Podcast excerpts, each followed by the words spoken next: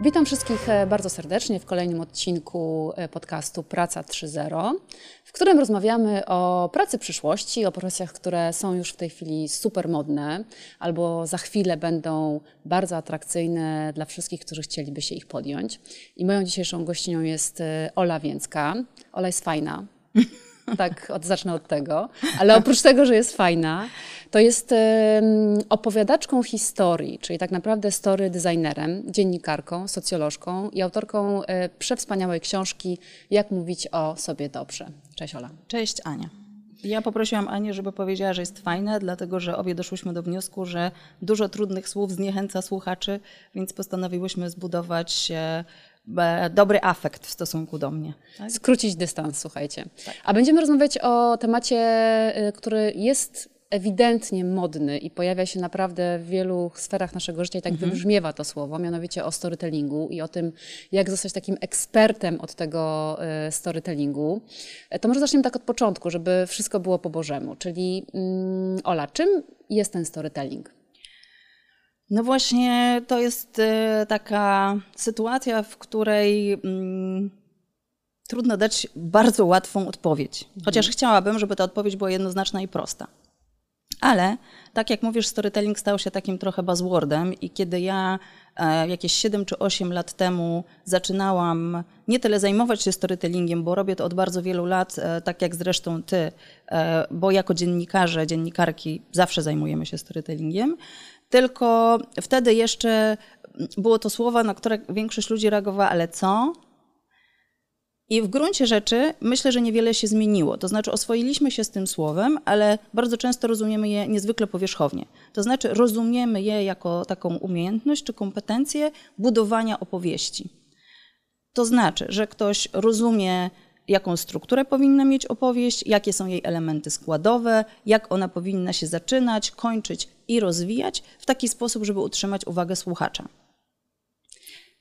I na poziomie bazowym to mogłaby być definicja tego, czym um, mógłby być storytelling. Mhm. I w jakich obszarach to się wykorzystuje? No bo to jest takie tworzenie narracji, jak mówisz, yy, i gdzie ono się pojawia w naszym takim codziennym życiu, żeby ludzie wiedzieli, kiedy mają z tym do czynienia. No więc właśnie, i tu zaczynają się schody. Mogli, możemy powiedzieć, że to, co wcześniej opisałam, to takie rumiane jabłko ze skórką, e, nawoskowaną, e, z piękną, po prostu, z pięknie oświetlone i my widzimy, że to jest storytelling, a jak się nadgryzie, to okazuje się, że tam czeka bardzo dużo soczystego miąższu. No i teraz po co nam w ogóle te historie? Tak? Od wieków historie właściwie służyły kilku celom. Po pierwsze, przekazywaniu e, wiedzy po drugie przekazywaniu norm i wartości, czyli jak żyć, żeby być akceptowanym przez resztę na przykład naszego plemienia. Po trzecie, storytelling miał zawsze taką funkcję budowania wspólnoty, budowania wspólnej tożsamości. No i teraz e, z tym wiąże się wiele rzeczy. Tak? Z jednej strony, e, oczywiście, my możemy e, widzieć to w takich obszarach jak, no nie wiem, rozrywka. Tak? Netflix, Disney+, Viaplay, tak? milionowe, e, milionowe publiczności, milionowe zyski. My możemy to widzieć e, w takiej branży jak gry komputerowe. Chociaż tam coraz częściej nie tylko, ze story, nie tylko ze storytellingiem mamy do czynienia, ale przede wszystkim z imersją, czyli z takim zanurzeniem w opowieści.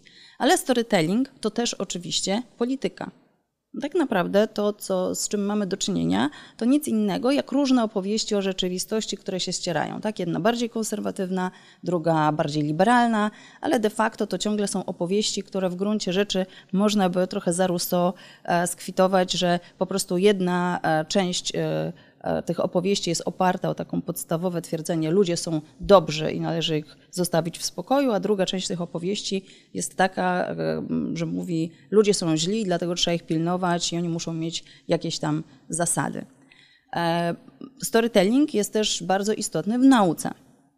Jak popularyzowanie nauki, przekazywanie tego, czym zajmują się naukowcy, zmusza nas do tego, żebyśmy komunikowali się w sposób zrozumiały ale też i dla całej populacji, i dla indywidualnych jednostek, ta umiejętność tworzenia opowieści jest czymś, no niektórzy mówią, że się z tym rodzimy, inni, że się do tego socjalizujemy. Ale prawda jest taka, że Jest taki profesor zresztą w Polsce, profesor Jerzy Trzebiński, który wykłada na SWPS-ie, e, który twierdzi, potwierdza to badaniami, ale nie jest w tym odosobniony, e, że storytelling, umiejętność budowania historii, umiejętność rozumienia historii, to jest to, co w ogóle pozwala nam funkcjonować w świecie i pozwala rozumieć, co się w ogóle w tym świecie przydarza. I w związku z tym, odpowiadając na Twoje pytanie, to jest z jednej strony kompetencja stara jak nasza cywilizacja, z drugiej strony przechodząca przez liczne przemiany i właściwie można powiedzieć, że do zastosowania niemal wszędzie. Mm, jest coś takiego, co, jest, co nazywa się terapia narracyjna, tak? czyli stosujemy opowieści w celach terapeutycznych. To jest taka szkoła psychoterapeutyczna. W ogóle w medycynie stosuje się opowieści po to, mm, na przykład, e, żeby zmienić postrzeganie e, pacjentów przez personel, co jak się okazuje, e, wpływa na skuteczność leczenia. Tak? Jeżeli e, w jednym ze szpitali w Stanach e, robiono takie kręgi, w których i pacjenci, i personel mogli dzielić się swoimi opowieściami, w związku z tym patrzyli na siebie bardziej potem jak na ludzi, niż tylko jak na funkcje e, czy role, w których występują, i to sprzyjało procesowi zdrowienia. Więc tych możliwości zastosowań storytellingu jest bardzo, bardzo, bardzo wiele, a to, co ja myślę, że o czym ty mówisz e, może, oprócz tego, że jak możemy się zawodowo tym zajmować, to trochę tak jak mówimy o media literacy, czyli o tym, jak zaczynamy rozumieć, jak działają media i na przykład reklamy. A ja myślę, że w nas wzrasta taki poziom trochę rozumienia e, tego storytelling literacy, czyli rozumienia, że opowieści nie są neutralne, że opowieści nie powstają z niczego, że one zawsze mają jakiegoś nadawcę, jakichś interesariuszy, ktoś ma najczęściej jakiś cel, budując te opowieści i to nie tylko właśnie w kontekście politycznym, ale też w kontekstach bardzo prywatnych. No i w związku z tym ta nauka o storytellingu jest e, przepastna, głęboka i e, mm, jakby nie wiem, czy w ogóle można mówić, że jest taki zawód storyteller i go bardzo jednorodnie określić. Myślę, że to po prostu jest e, taki, taka część kompetencji, która będzie przydatne właściwie w każdym niemal zawodzie. Mhm. No tak, rzeczywiście ten zawód y, takiego storytellera, który ma na wizytówce napisane Aleksandra Więcka, storyteller, y, jeszcze nie istnieje, ale tak jak powiedziałaś, że ta umiejętność świadomego budowania opowieści, no bo pewnie naturalnie w jakiś sposób, mhm. tak jak powiedziałaś, mamy to, e, mamy to wyuczone, czy, czy przystosowujemy się do tych opowieści w ciągu naszego życia. Wydaje mi się, że to będzie bardzo istotne, bo nie wymieniałaś jeszcze takich e, ważnych aspektów też te, tej siły tej opowieści, które są wykorzystywane na przykład w marketingu, w sprzedaży, Oczywiście. w social mediach, czyli no po prostu robimy na tym pieniądze najnormalniej na świecie. Więc e, ja bym zrobiła tako, takie założenie na czas naszej rozmowy, że e, ta specjalizacja tego story, storytellingu, którą możesz oczywiście dołożyć do jakichś innych kompetencji, że ona będzie czymś, co będzie na pewno podwyższało Twoją wartość rynkową w bardzo, bardzo, bardzo różnych e, obszarach. No i teraz mm, powiedz, co to, jak się tego nauczyć? Czy to jest coś, co uczysz się w szkole, czy przez doświadczenie? Jakby, jak sobie podnieść tak naprawdę tą, e, tą umiejętność i czego tak naprawdę trzeba się nauczyć, żeby to umieć? Właściwie powiedziałabym, że to jest e, taka umiejętność, której powinniśmy uczyć się w szkole i e, anegdotycznie powiem, że ponieważ e, w szkole w Stanach uczą się tego, to są dobrymi storytellerami. Mhm. Bardzo często ponieważ my się tego nie uczymy, a właściwie wszelkie próby e, takiej autonomicznego snucia opowieści w polskiej szkole są raczej ucinane, no to my trudność, mamy trudność w tym, żeby tę, tę, kompeten tę kompetencję mm, e, przyswoić i żeby jej używać. Ale to absolutnie nie znaczy, że my się nie możemy jej nauczyć. No i teraz znowu to zależy, czego chcesz się nauczyć. Bo z jednej strony Taką, takim typowym miejscem, gdzie można się nauczyć storytellingu, są wszelkiego rodzaju zawody związane z tworzeniem narracji. Czyli na przykład wspomniane przez Ciebie dziennikarstwo, czyli na przykład reżyseria, a pisanie scenariuszy. To umiejętność bardzo przydatna w marketingu, która nie wiem, czy jest e, jakby jakoś szczególnie wyodrębniona w, e, w studiach marketingowych albo w jakichś takich e, zawodach około około marketingowych czy w studiach około marketingowych, ale tam powinna, tam powinna być uczona. Póki co takiego jakby bazowej wiedzy na temat tego, czym jest storytelling, można się nauczyć na pewno z książek. Tak? Mamy Pawła Tkaczyka, mamy moją książkę. E, sporo tych książek o storytellingu też jest wydawanych w języku angielskim. I tam z tego na pewno możemy się nauczyć tego, jaka jest struktura opowieści, albo jakie są struktury opowieści. Jak budować konflikt w opowieści, jak definiować, kto będzie odbiorcą tej naszych, tych naszych opowieści, jakiego języka używać i tak dalej, i tak dalej. To jest taka, myślę, podstawowa wiedza. Możemy się tego nauczyć na różnego rodzaju kursach i warsztatach. I teraz jakie ja mam tu zastrzeżenie, chociaż sama prowadzę takie warsztaty, mam poczucie, że storytelling to taka umiejętność, której najlepiej się uczy w praktyce. I wspaniale, e, że mogę dzielić się swoją wiedzą, ale mam poczucie, że takie kilkugodzinne warsztaty to jest trochę um, dawanie um, smaku tak, dawanie to trochę tak, jakbyśmy szli na menu degustacyjne. I z tego menu degustacyjnego dużo możemy się nauczyć próbując, ale jeszcze nie mamy tych umiejętności. I tak naprawdę to, co sprawia, że stajemy się dobrymi storytellerami, to praktyka i konfrontacja z innymi. Więc w gruncie rzeczy e, myślę, że to, co mogłoby nas nauczyć dobrego storytellingu, to też, gdyby ktoś chciał na to poświęcić czas, e, po prostu analiza nie wiem, tych rzeczy, które podobają nam się e, w, nie wiem, w artykułach, w kontencie wideo i zastanawianie się, jak to można powtórzyć. Ale być może już w ogóle nie będziemy się musieli tego uczyć niedługo, dlatego że już e, powstają takie algorytmy i sztuczna inteligencja, która potrafi analizować zarówno kontent wideo, jak i kontent taki tekstualny w taki sposób, żeby umieć przewidywać po pierwsze, jakie będą nasze reakcje, odkrywać e, łuk dramaturgiczny na przykład, albo w ogóle całą strukturę dramaturgiczną, oceniać jakby adekwatność w stosunku do e, danej publiczności i rekreować e, podobne, w, podobnym, w podobnym stylu teksty. Więc Byłam wczoraj na przewspaniałym warsztacie prowadzonym przez profesor Aleksandrę Przegalińską właśnie o współpracy z GPT-3. I ona mówi, żeby się nie bać, bo tak naprawdę ta sztuczna inteligencja będzie nam pomagać robić rzeczy, których my jednak nie do końca lubimy, albo my będziemy mogli oddać się tym zadaniom wyższego rzędu. Niemniej warto jakby zauważyć, że jeżeli zdołaliśmy tego nauczyć algorytmy, to my sami też jesteśmy się w stanie tego nauczyć. Zanim algorytmy przejmą władzę, chociaż ja jestem ogromną fanką AI i trochę jestem po stronie mm, profesor Przegalińskiej z tym, że trzeba z nimi współpracować i że to jest jakby nieuchronna nasza mm, część naszej ewolucji i zawodowej i też myślę takiej życiowo-prywatnej.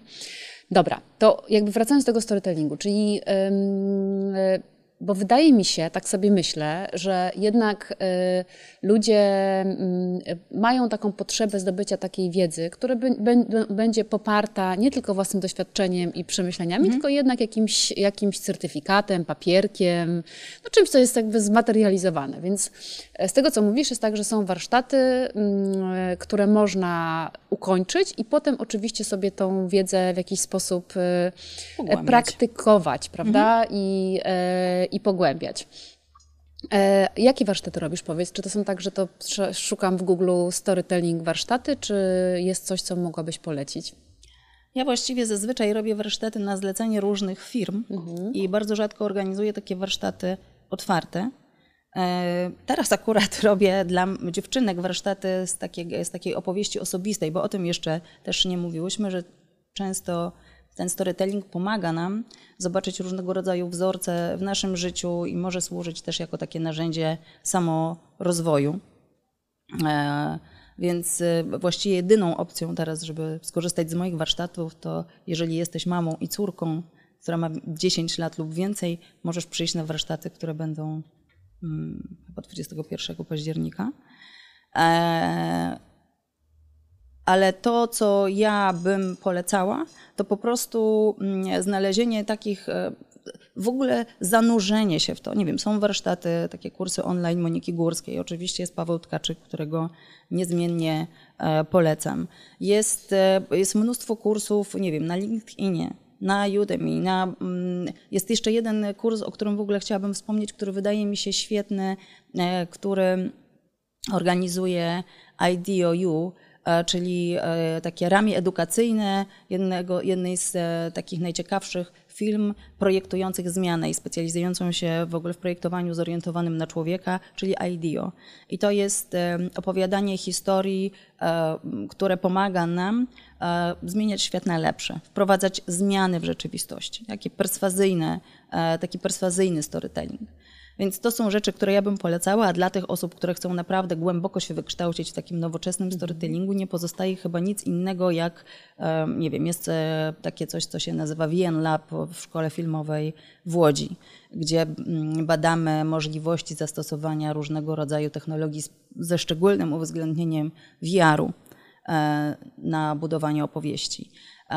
W Stanach jest coś, co się nazywa Digital Storytelling Lab na Uniwersytecie Columbia gdzie również prowadzone są różnego rodzaju eksperymenty. Wszystko zależy od tego, czy potrzebujesz takiej praktycznej wiedzy do tego, żeby pisać lepsze posty w mediach społecznościowych, czy potrzebujesz e, głębszej wiedzy, żeby używać storytellingu strategicznie i rozumieć, jak budować na przykład markę osobistą albo markę produktu, czy chcesz e, budować e, kulturę organizacji i w związku z tym potrzebujesz wiedzy o tym, jak analizować opowieści, jak je dystrybuować, jak nimi zarządzać w taki sposób, żeby one, żeby ta chmura opowieści, te różne sfragmentaryzowane, e, można powiedzieć, strzępki e, tego, co, tego, co e, jest zlepkiem tego, co budują, nie wiem, różne grupy, e, czyli nie wiem, pracownicy, byli pracownicy, klienci, i zarządy, żeby to się wszystko skleiło w jakąś taką spójną narrację. Myślę, że e, bardziej widzę to jako sytuację, w której do swojego zawodu dobieramy taką kompetencję, taką umiejętność, niż e, na razie w Polsce nie znalazłam takiego miejsca, czy takiej uczelni, która by poświęcała na przykład cały kierunek e, studiów tylko temu, żeby uczyć się budować dobre opowieści. Mhm. Oczywiście oprócz uczelni artystycznych typu właśnie reżyseria. Mhm. Jeszcze zapytam Cię o to, tak wrócę może, bo gdzieś tam to przymknęło, ale nie wiem, czy tak dobrze to wybrzmiało, bo e, dla naszych słuchaczy, że to jest tak, że czego ja się nauczę na tych studiach? Powiedziałaś o tym, że to jest jakaś dramaturgia, że są, jest e, konflikt, że są bohaterowie, czyli no okay. bo myślę, mhm. sobie, myślę sobie o tym, że ktoś tam myśli, nie no, umiem opowiadać historię, no umiem napisać posta, umiem, mhm. wiesz, stworzyć e, opowiadanie, e, rozprawkę czy coś tam, więc jakby czym to się różni? Czym się różni to świadome budowanie tej historii od takiego mhm organicznego, że tak się wyrażę? Myślę, że to, czego możemy się nauczyć, żeby być bardziej zaawansowanymi w opowieści, można porównać do tego, jak e, zaczynam biegać. I zaczynam biegać tak po prostu, wychodzę z domu, zakładam buty, koszulka, spodenki, to, ja. to ty, i, i po prostu lecę. I do sytuacji, w której trenuję profesjonalnie. Mhm. Czyli rozumiem, jakie mięśnie pracują, jaka dieta mnie wspiera, jak powinnam pracować ze swoją psychiką mhm. i inne tego typu rzeczy. Teraz jak to przełożyć na storytelling? To, co my rzeczywiście umiemy, no to oczywiście umiemy opowiadać historię. To, czego możemy się nauczyć, to po pierwsze, jak budować różne rodzaje opowieści. Jakie są struktury opowieści? To znaczy, jakich elementów i w jakiej kolejności ja powinnam, powinienem użyć, żeby stworzyć taką, a nie inną narrację, która, i tu mogę się nauczyć dostosowywać opowieści do konkretnego celu, który chcę osiągnąć. Mhm. Tak? Czyli na przykład jaki jest taki element takiej opowieści, który używamy, tak dla przykładu? Właśnie konflikt byłby takim elementem his, y, tej narracji. Powiedziałeś, że uczysz się różnych elementów, które potem składasz w całość, żeby osiągnąć cel. E, wiesz co, to, to trochę jest inaczej. To jest tak, że mam, raczej myślę o tym w takich kategoriach projektowych. To znaczy, wybieram sobie mm, nie wiem, grupę, do której chcę dotrzeć mhm. i zastanawiam się też, co chciałabym, żeby ta grupa zrobiła mhm. albo co poczuła. W związku z tym analizuję przedstawicieli tej grupy, analizuję to, kim oni są, co ich interesuje. Również to, jakie oni mają wewnętrzne konflikty, tak? jakby w jakich, w jakich trudnych sytuacjach oni są postawieni, gdzie jest presja na nich, z której na przykład nie potrafią się jakby, której nie mogą sprostać. Dlaczego? No bo opowieść oczywiście najmocniej rezonuje wtedy, kiedy mówi o tematach, które są żywe dla odbiorców, ale jeszcze nie znalazły swojego ujścia. Nie? Że tak powiem, żeby trochę zażartować, to powiem, że nie bez powodu e, kobiety i mężczyźni tak dużo rozmawiają o związkach, tak? bo to jest taki temat, który ciągle jest nierozwiązany. Tak? Jak coś jest już rozwiązane, to nie stanowi dla nas problemu. Tak? Czyli szukamy konfliktu. Co to jest ten konflikt? Konflikt to nie jest jakby kłótnia albo spór, tylko raczej e, sprzeczność między, czy przeszkody e, między tym, do czego ja dążę, a co ja mogę osiągnąć tak? i co mi w tym przeszkadza. I teraz jak buduję opowieść, to staram się po pierwsze e, dobrać tak mm, temat tej opowieści, bohatera tej opowieści, ten konflikt, o którym wspominałaś, ale też język, jakim się posługuje, medium, w jakim, e, w jakim to umieszczę, albo w ogóle taki punkt styku, gdzie ja w ogóle się spotkam z tym moim odbiorcą. Zastanawiam się, w jakim on jest, wiesz, w jakiej on jest fazie na przykład swojej interakcji, dajmy na to, z moim produktem. Czy to jest ktoś, kto jeszcze o nim nie słyszał, czy to jest ktoś, kto już go używa, czy to jest ktoś, kto już się do niego zniechęcił, tak? Albo jakąś, nie wiem, sprawę, może mam sprawę społeczną, tak? Że jakim, z jakimś tematem, czy on już go zna, czy nie. Więc w taki praktyczny sposób myśląc, potraktowałabym opowieść i uczenie się tego storytellingu w taki sposób, jak, e, no, jak projektant podchodzi do projektowania, czyli mam jakieś zadanie i chcę znaleźć odpowiedź na to, jak ten problem rozwiązać. Czy to odpowiada na Twoje tak. pytanie? Tak. Myślę, że i moje, i wielu słuchaczy, tak naprawdę. E, no dobra, powiedz, czy, czy trzeba mieć jakieś specjalne talenty, żeby zostać takim właśnie dobrym, świadomym storytellerem? Czyli na przykład jak jestem humanistką, to będę w tym na pewno lepsza, a jak jestem e, ścisłym, nie wiem, inżynierem, matematykiem, to niekoniecznie. Czyli trzeba mieć jakieś takie, wiesz, osobowościowe i talentowe predyspozycje do tego, żeby być w tym dobrym. No to znowu zależy, do czego te opowieści mają służyć. Oczywiście łatwiej występować na przykład publicznie tym, którzy nie mają w sobie takiego lęku e, przed wystąpieniami, bo nie będą musieli go pokonywać. Czy inne osoby, którym jest z tym trudniej, się do tego nie nadają? Nie, po prostu muszą nauczyć się, jak sobie z tym lękiem radzić. Co jest, e, myślę, pewnym ułatwieniem. Tak jak się w ofertach o pracę mówi, mile widziane. to na pewno e, taka umiejętność operowania językiem. Tak, dla niektórych jest to po prostu bardzo łatwe. E, to umiejętność e, mm, analizy i syntezy, więc te umysły ścisłe wcale nie są e, tu na straconej pozycji, bo oczywiście snucie takich, snucie opowieści może jest łatwiejsze wtedy, kiedy nasz umysł może się meandrować i uwodzić innych historią, ale żeby zbudować dobrą strategię opowieści, dobry jej szkielet, to ta analiza, a potem syntetyzowanie jest oczywiście niezbędne. Przyda się też jakby umiejętność łączenia się ze swoją wyobraźnią. Nie? Taka umiejętność y, tworzenia i dostrzegania połączeń między rzeczami. Umiejętność y, operowania językiem metafor. Ale to z kolei są znowu rzeczy, których możemy się nauczyć. Tak? Nikt nie rodzi się od razu e, wielkim pisarzem, na przykład. Albo wspaniałym storytellerem. Myślę, że to, są takie, że to są takie rzeczy. Na pewno otwartość. Gdybym miała z tej wielkiej piątki cech, e, które określają nasz charakter i naszą osobowość, powiedzieć, komu będzie łatwiej, to tym, którzy są otwarci, e, pewnie ekstrawertykom, mhm. I takim, którzy lubią nowe doświadczenia. Tak, lubią mhm. nowe doświadczenia i lubią się nimi dzielić. No jaka jest taka potencjalna, załóżmy, że jest, mam ten papier, czyli zrobiłam teorię jakąkolwiek, to był warsztat, czyli jakby wiem, jak wygląda to świadome e, budowanie tej narracji, mhm. to o czym mówisz, jestem w stanie to zrobić. I tak naprawdę, co, jak mam, mamy takiego osobnika, który, no załóżmy, że jest e, po jakichś takich neutralnych studiach typu właśnie dziennikarstwo, zrobił sobie do tego ten e, storytelling, mhm.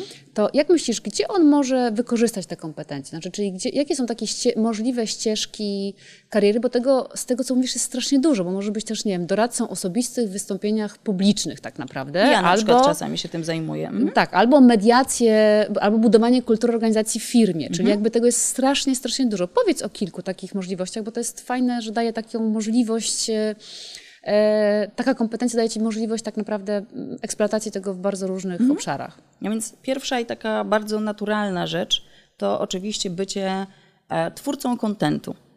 Tak, na, w bardzo wielu sytuacjach, czyli możesz być scenarzystą, na przykład Netflixa. E, możesz być autorem scenariuszy do reklam. Możesz pracować w agencji reklamowej, e, gdzie tworzysz e, koncepty kampanii. Możesz e, oczywiście pracować e, w przemyśle gier, gdzie, oczywiście, gdzie e, storytellerzy są bardzo potrzebni tak, do budowania tych imersyjnych narracji, w których, w których możemy się zanurzyć. Choć tam częściej niż o budowaniu historii, mówi się o budowaniu światów, tak, bo w grze bardzo często historie de facto tworzą gracze. Nie, to oni poruszają się z punktu A do punktu B, a my tworzymy światy, w których to się może, w których to się może odbywać. Wyobrażam sobie e, taką osobę również pracującą, współpracującą z e, takimi teamami naukowymi, e, zajmującą się popularyzacją nauki. Oczywiście storytelling przydaje się, kiedy chcesz być tym, o czym marzy młode pokolenie, czyli influencerem, YouTuberem. youtuberem, wideoblogerem i wszystkimi tymi, mm, i jakby mieć taki zawód, który pozwala ci dzielić się swoją mm, wiedzą czy umiejętnościami. Nie wiem, tworzyć kursy online. A mm, teraz jeszcze myślę o jakichś takich mniej oczywistych zastosowaniach. Właściwie e, też takim bardzo e, starym już chyba, e, starym takim obszarem, jakby dość dobrze zorientowanym, że ten storytelling jest potrzebny, są też wszystkie, wszystkie zawody związane ze sprzedażą. No ale oczywiście bycie politykiem wymaga umiejętności opowiadania historii. Mówi się też, że every leader tells a story, czyli właściwie wszystkie funkcje zarządcze. Wszystkie takie funkcje, w których my potrzebujemy pociągnąć kogoś za sobą. I tak jak widzimy, jak zmienia się to przywództwo, czy to w firmach, czy w jakichś organizacjach społecznych, gdzie nie możemy już e, mówić o takim przywództwie związanym tylko z nadaniem pewnej funkcji, tylko chcemy być po prostu prawdziwym liderem, to również wymaga e, takiej umiejętności e, opowiadania i o tym, co chcemy robić, czy co my robimy w taki sposób, żeby inni mogli poczuć się częścią tej opowieści i opowiadania własnych historii. Tak? Pokazywania siebie jako, jako człowieka, za którym warto pójść. Więcej? A jest, jeżeli jest więcej, to, to dawaj, bo myślę, że to, wiesz, to są takie rzeczy, które tak naprawdę bardzo rezonują y, z ludźmi. Mówi się o tym, e, e, jest jeszcze coś, co nazywamy visual, visual storytelling, czyli opowiadanie przy pomocy obrazów. I tu znowu wszystkie zawody związane z kreowaniem kontentu wideo.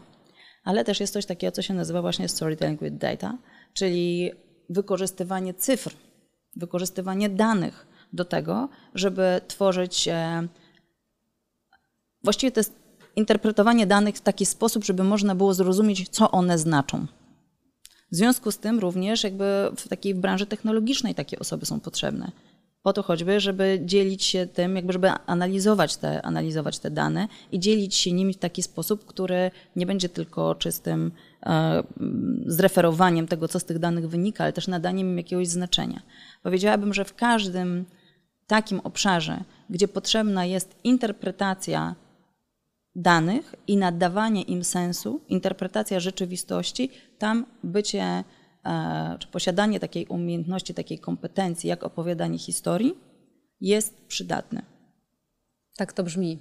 Mam wrażenie, tak e, szukam wiesz, w głowie obszarów, w którym tak naprawdę to opowiadanie historii by się nie przydało. I nie mogę znaleźć, bo też wspominałaś przecież o terapiach, prawda, które też są robione, czy jakby cały ten coaching, psychoterapia, gdzie ta historia też tak naprawdę mm, wybrzmiewa i jest, y, i jest potrzebna. A powiedz jeszcze, mm, bo takie trzy fajne rzeczy się pojawiły, które brzmią dosyć nowocześnie, czyli pierwsza to jest ten imersyjny storytelling, czy imersyjna narracja. Co to jest? No bo to też może być jakoś tak, y, brzmi przyszłościowo w każdym razie. Brzmi przyszłościowo. No i co to jest ta imersja? Imersja to po prostu zanurzenie. I byłam e, w lipcu na wspaniałej konferencji, która właśnie organizowanej przez VN Lab, gdzie mm, szwajcarski, e, szwajcarski naukowiec mm, e, poddał taką tezę, która wydaje mi się niezwykle ciekawa. A mianowicie on powiedział, że właściwie od czasów Arystotelesa żyliśmy w takim paradygmacie, który zakładał, że my jesteśmy tym źródłem widzenia, to znaczy jesteśmy my, a przed nami jest jakiś świat. Świat na zewnątrz. I że przesiąknięci tą, e, tym sposobem poznawania rzeczywistości, zawsze sytuowaliśmy się w pewnym sensie na zewnątrz tego, co widzimy. Według niego ten sposób myślenia staje się już coraz bardziej nieaktualny, właśnie dzięki temu, że coraz więcej będzie takich sytuacji, w których my jesteśmy zanurzani w rzeczywistość. Tak jak miałaś na głowie gogle wiarowe, miałaś? Miałam. Miałaś. To wiesz, że to jest e, taka sytuacja, w której w niektórych pewnie doświadczeniach nadal to jest, że towarzyszy ci jakiś głos narratora, ale w większości przypadków po prostu nagle znajdujesz się w jakimś świecie i ten świat podpowiada ci, co masz tam zrobić albo co możesz tam zrobić. I że to złudzenie, że uczestniczysz w danej rzeczywistości jest bardzo silne. To znaczy, że to nie jest tak, że ty masz na głowie okulary, ale równocześnie myślisz o tym, co zrobić na obiad. Jesteś tu i teraz. I tego rodzaju narracja, jak mówimy o metaversie, tak? jak mówimy właśnie o VR-ze. Niektórzy mówią też o rzeczywistości rozszerzonej, to znaczy, że nie trzeba będzie już nosić tych wielkich gogli, wystarczy nosić, nie wiem, soczewki i będziemy mogli sczytywać różne rzeczy i łączyć rzeczywistość wirtualną z realną. To wszystko sprawia, że my zanurzamy się w tą rzeczywistość, jesteśmy mniej na zewnątrz, czyli nie analizujemy ją, tylko przeżywamy. Okay? No i teraz, co to jest, co to są te imersyjne rzeczywistości? No to jest oczywiście metavers, tak? czyli ten pomysł, że będziemy spędzać w tej wirtualnej rzeczywistości większość naszego czasu, bo może nasz świat nie będzie już przyjemnym miejscem do życia, tak? albo to pozwoli nam ominąć bariery czasu i przestrzeni. To jest oczywiście wszystko to, co dzieje się w VR, który teraz ma takie, e, jest kilka głównych obszarów, w których jest stosowany. Z jednej strony to jest edukacja e, i Mam tu na myśli bardzo różne rzeczy, to znaczy i takie e, symulacje, które pozwalają, nie wiem, studentom medycyny e, e, robić, nie wiem, sekcje wirtualnych zwłok i takie projekty VR-owe, które pozwalają na przykład młodzieży zanurzyć się w rzeczywistość, którą znają tylko z historii i nagle tam być. Nie? VR jest też oczywiście częścią rozrywki, tak? Pewnie spotkałaś się z takimi, to jest w ogóle jedno z e, takich zabawniejszych pewnie zastosowań VR-u, że są takie budki i w tych budkach nagle zakładamy e, gogle i nagle jesteśmy na e, takiej kolejce. Jak to się nazywa? Wiesz, o co mi chodzi? miasteczko, to Tak, horror. ale wiesz, o co mi chodzi, takie Wiem. coś. Taka kolejka, w której Wiem. spadasz z góry na dół. W której możesz po prostu doświadczać różnych emocji, niedoświadczających w rzeczywistości, tak w rzeczywistości siedząc na krześle. E, oprócz tego mamy też całą tą część artystyczną, gdzie mamy projekty artystyczne związane z VR-em. Wracając do dziennikarstwa, o którym mówiłaś.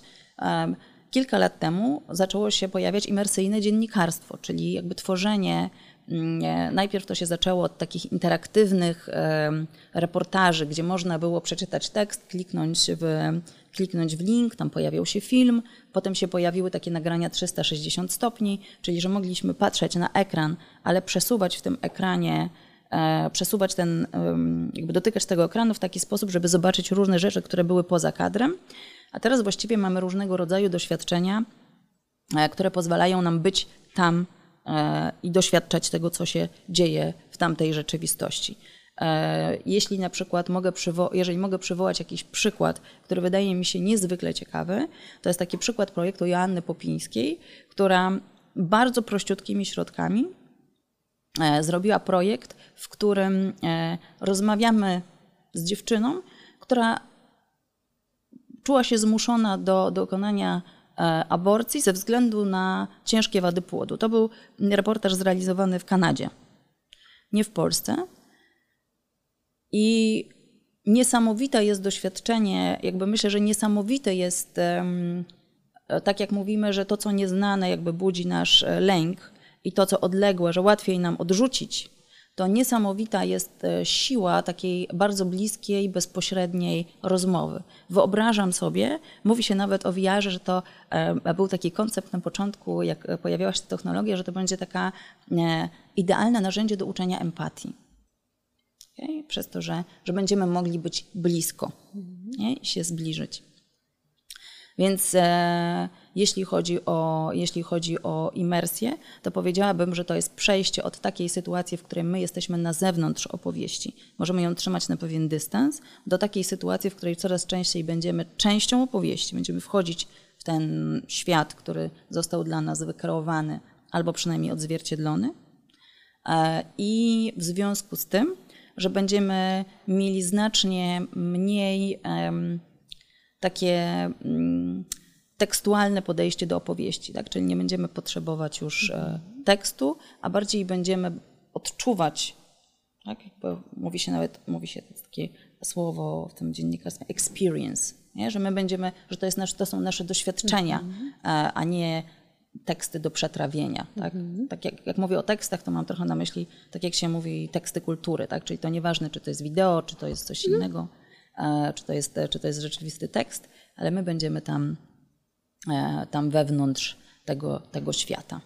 Czy w związku z tym, no bo mm, rozmawialiśmy na razie o takim, e, wracając do tego mhm. Mm, no, zawodu storytellera, czy, mhm. czy eksperckości w tym, tej dziedzinie, to jakby to jest umiejętność opowiadania historii. No i teraz to, co mówisz, ewolucyjnie prawdopodobnie i w tym, co się za chwilę zbliży, no to ta, ta, ta umiejętność nie będzie taką umiejętnością, która będzie polegała na tym, że ja stworzę historię i ona e, wykona jakąś perswazję, o czymś opowie, zjedna ludzi albo coś sprzeda, mhm. tylko że ci ludzie de facto, czyli interesanci, jak powiedziałaś wcześniej, biorą udział w tej historii. Czy to, czy to zmienia w ogóle ten, ten sposób tego opowiadania i tej, i tej narracji? Czy to też wymaga jakichś takich innych, innego, nie wiem, innego patrzenia na to, innych umiejętności? Oczywiście, że tak. Mhm. Myślę, że ten jakby zrąb tej narracji, ten taki główny szkielet jakby on w ogóle opowieści nie znikną. To nie będzie tak, że nagle będziemy, albo przynajmniej nie za naszych czasów przypuszczam, nie będzie tak, że będziemy mieć tylko doświadczenia, tak jak e, jest taki był prze, świetny tekst Jacka Dukaja w Gazecie Wyborczej, który właśnie mówił, że odchodzimy od kultury pisma do kultury doświadczenia. W jakimś sensie się z nim zgadzam, ale z drugiej strony to bardzo powolny proces. No i teraz jakich innych umiejętności potrzebuje człowiek, który chce się zajmować takim e, projektowaniem na przykład e, umiejęt, e, takich doświadczeń VR-owych. Po pierwsze, musi dużo więcej wiedzieć o zmysłach, bo to jest komunikacja wielozmysłowa. I na przykład projektując takie doświadczenia VR-owe, zajmujemy się nie tylko tym, no dobra, to jaka to będzie historia, ale też jaką rolę ten człowiek może w tej historii odegrać.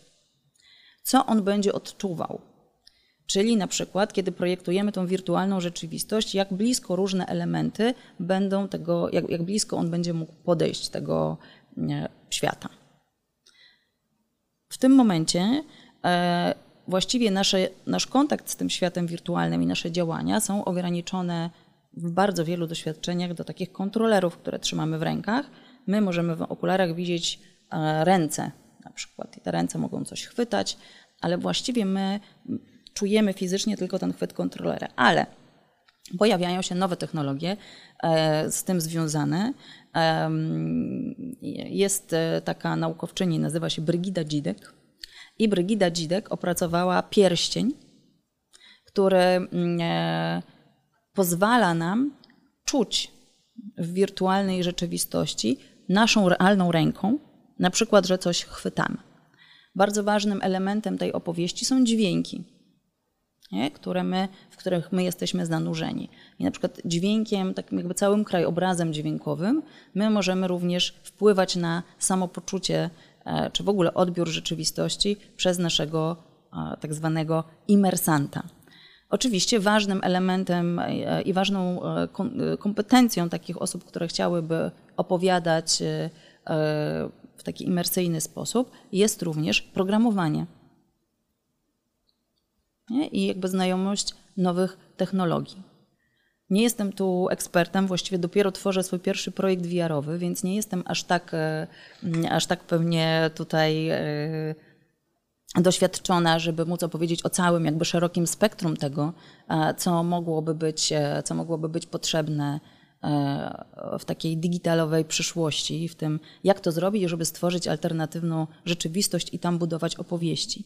Ale na pewno to, co się zmieni, to to, że tak jak teraz my możemy powiedzieć, że każdy z nas może być twórcą, nie wiem, rolek e, w mediach społecznościowych i zauważ, że nawet to wprowadziło ogromną zmianę, ponieważ kiedy ja zaczynałam w ogóle moją przygodę z, ze storytellingiem, to zawsze słyszałam, pamiętaj, że obraz jest poziomy, bo człowiek ma dwoje oczu. Teraz obraz równie często jest poziomy jak pionowy. Nie? I ten pion, już samo to bardzo wiele zmieniło. Zauważ, ile pojawia się, jakby ja bardzo tutaj e, skrzętnie obserwuję tego różnego rodzaju pomysły e, na te takie króciutkie właśnie rolki, e, jakieś reelsy, relacje, co tam się może wydarzać i jak bardzo kreatywne są to sposoby opowiadania w taki sposób, żeby zmieścić się w tych 30 sekundach czy minucie. Na pewno my straciliśmy, e, mm, właściwie może straciliśmy, a może zyskaliśmy. Nie będę tu wartościować, ale na pewno jesteśmy, nauczyliśmy się opowiadać w dużo bardziej zwarty sposób albo przyswajać sobie sfragmentaryzowane opowieści.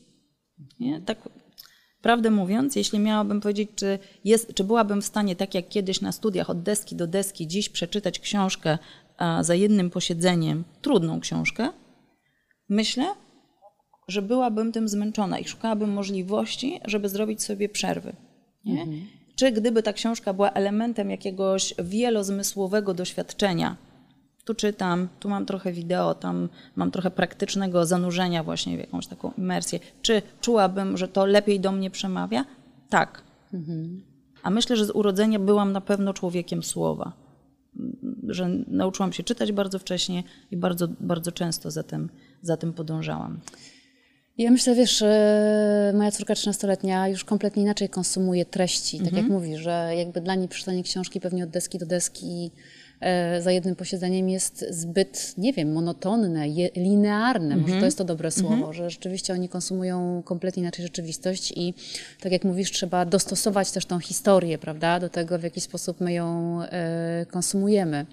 Mówiłaś też o fajnych e, dwóch, e, bo tak cały czas oglądam sobie ten zawód mhm. e, albo tą umiejętność tego storytellingu pod takimi różnymi kątami i rzeczywiście ona ma ogromną przyszłość, tak jak mówisz, w tworzeniu tych gier mhm. komputerowych i w ogóle w tym całym metaversie. Do tego jeszcze dochodzą zmysły, czyli tak jak mówisz, ta historia nie jest historią, którą sobie tworzysz, ona jest i ona mhm. wybrzmiewa, tylko ona żyje swoim życiem, prawda? No bo w jakiś sposób jest współtworzona przez, e, przez tych ludzi. Właściwie taka historia napisana też tak działa. To znaczy, e, kiedy czytasz książkę ty i czytam książkę ja, to każda z nas czyta mhm. inną książkę, bo każda z nas ma inne doświadczenia, uprzednie, mhm. w innym momencie życia do niej podchodzi. Ale tam my, tam my to mamy po prostu zaszyte, my zdajemy sobie z tego sprawę, możemy mieć na to wpływ. Mhm. No właśnie o tym mówię, że my tej książki nie zmieniamy, my ją tylko mhm. interpretujemy. A mam poczucie, że jednak e, w tych nowych opowieściach to, że ja e, zanurzam się w tej opowieści, czy ja jej nie oglądam z zewnątrz, tylko ja w niej jestem, mhm. to myślę, że to pójdzie w taką stronę, że ja będę realnie e, budować też tą opowieść wspólnie. I to też mhm. jest ciekawe wtedy, jakby jaka jest rola, tak jak mówisz, tego, e, tego storytellera, jeżeli nie może dostarczyć scenariusza, tylko może dostarczyć jakby świat, pewnie narzędzia, okoliczności, możliwości, czyli też zupełnie inne myślenie. No więc właśnie to jest bardzo ciekawe, co mówisz, bo jest e, w tym Digital Storytelling Lab na Uniwersytecie Columbia, szefem tego labu jest człowiek, który się nazywa Lance Weiler, który był kiedyś zresztą w Polsce na takim, na takim tutaj spotkaniu. Polska też uczestniczyła w tym eksperymencie i on wymyślił taki eksperyment, że e, wirtualnie duże grupy osób będą współtworzyły historię, częściowo odbywającą się w świecie rzeczywistym. To znaczy, że część ludzi będzie zaproszona do tego, żeby w świecie rzeczywistym tworzyć doświadczenia. Ona nawiązywała do Sherlocka Holmesa, czyli były takie, jak gdyby trochę no coś, co przypominało taki rodzaj escape roomu, jakiejś takiej gry miejskiej. Oprócz tego były opowiadania, które e, część ludzi tworzyło, jakieś materiały wideo. I z tego wszystkiego tworzył się taki. E, no taki, takie coś właściwie, taki twór, który był wspólną opowieścią kilkuset osób.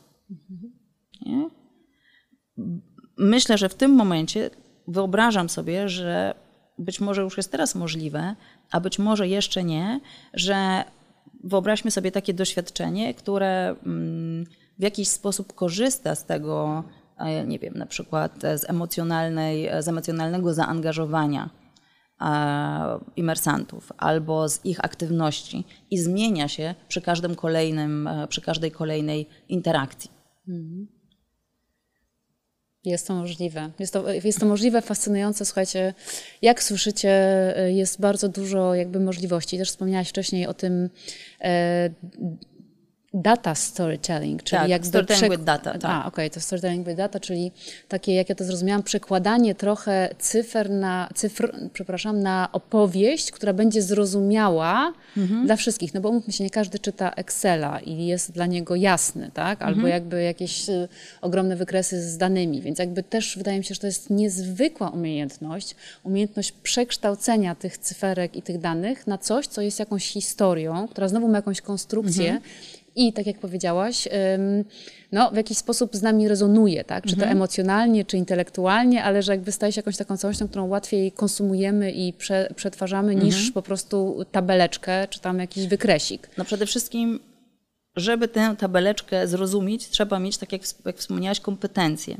Właściwie żadna cyfra, czy liczba nie funkcjonuje trochę tak jak litera, tak? Jak napiszemy słowo dobrze, no to ono też właściwie nic nie znaczy, tak? Albo ładny.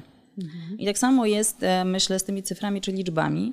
E, wszystkie one zaczynają żyć wtedy, kiedy umieścimy je w jakimś kontekście. Kiedy zrozumiemy, czy to coś rośnie, czy maleje, e, czy to 100 mm, tysięcy to jest dużo, czy mało. Moja ulubiona anegdota to jest, jak prowadziłam warsztaty w banku i zapytałam, czy milion to dużo, czy mało.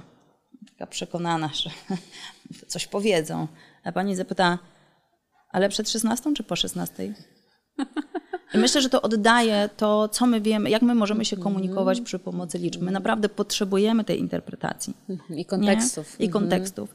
My potrzeb- to trochę też przypomina mi taką sytuację, kiedy uczestniczyłam w warsztatach strategicznych dla dużej grupy e, takiej kadry menedżerskiej, gdzie przedstawiona była strategia na następne lata. I ta strategia była początkowo przedstawiona po prostu w formie tabeli z której wynikało, że tu ma wzrosnąć, tam ma zmaleć. I całym naszym zadaniem przez dwa dni było przełożenie tej tabeli przy pomocy zespołów, które nad tym pracowały w trakcie warsztatu, na to, żeby zamienić to na opowieść o ludzkim doświadczeniu, to znaczy jak konkretnie zmieni się świat, kiedy my osiągniemy te cele. Co to będzie znaczyło dla na przykład e, pani w małej miejscowości, jak się zmieni jej życie. Bo de facto cały ten storytelling o tym jest. Nie? Po pierwsze o zmianach.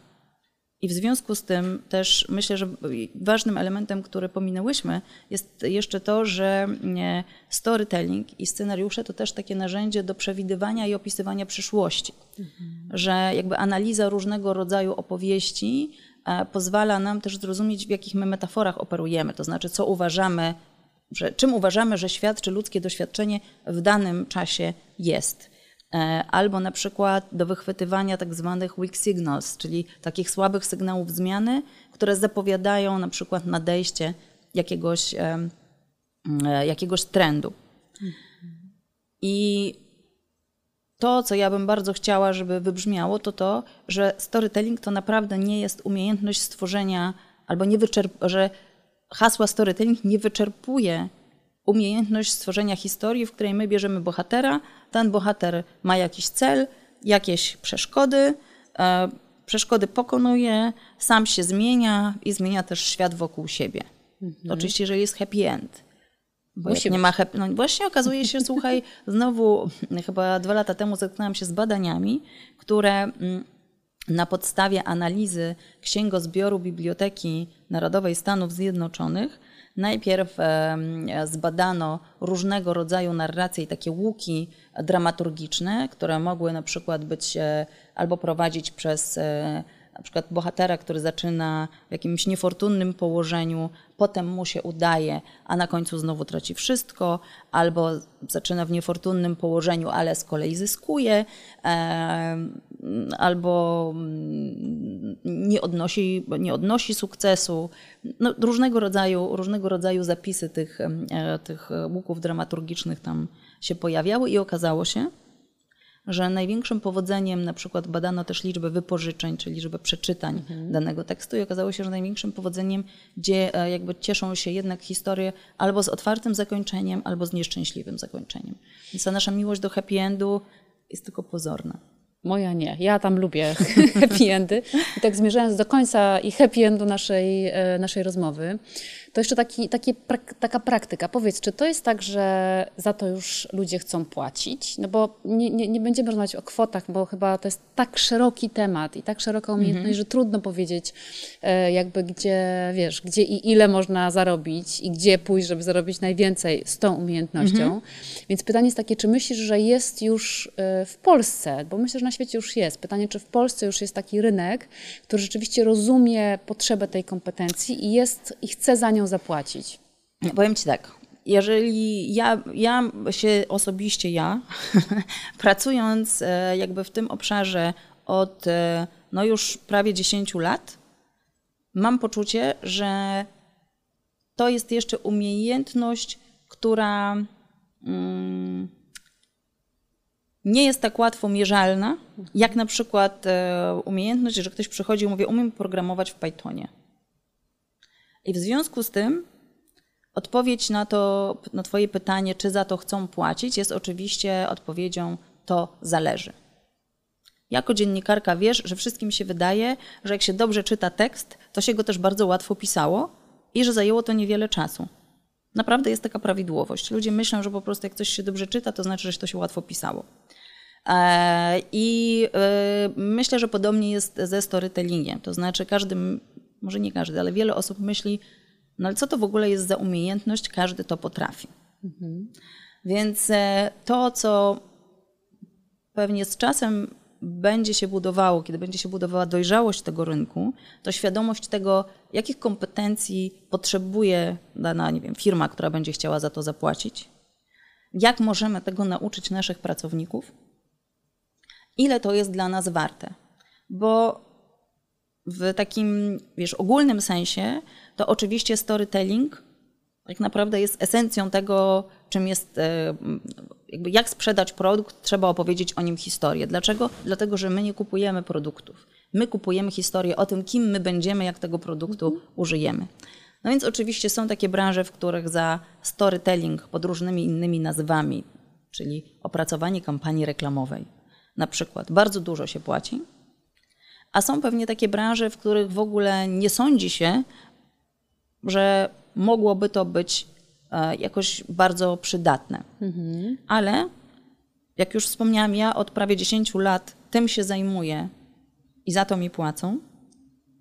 Jest pewnie sporo innych osób, które e, też, e, też funkcjonują jako zawodowcy w tej branży.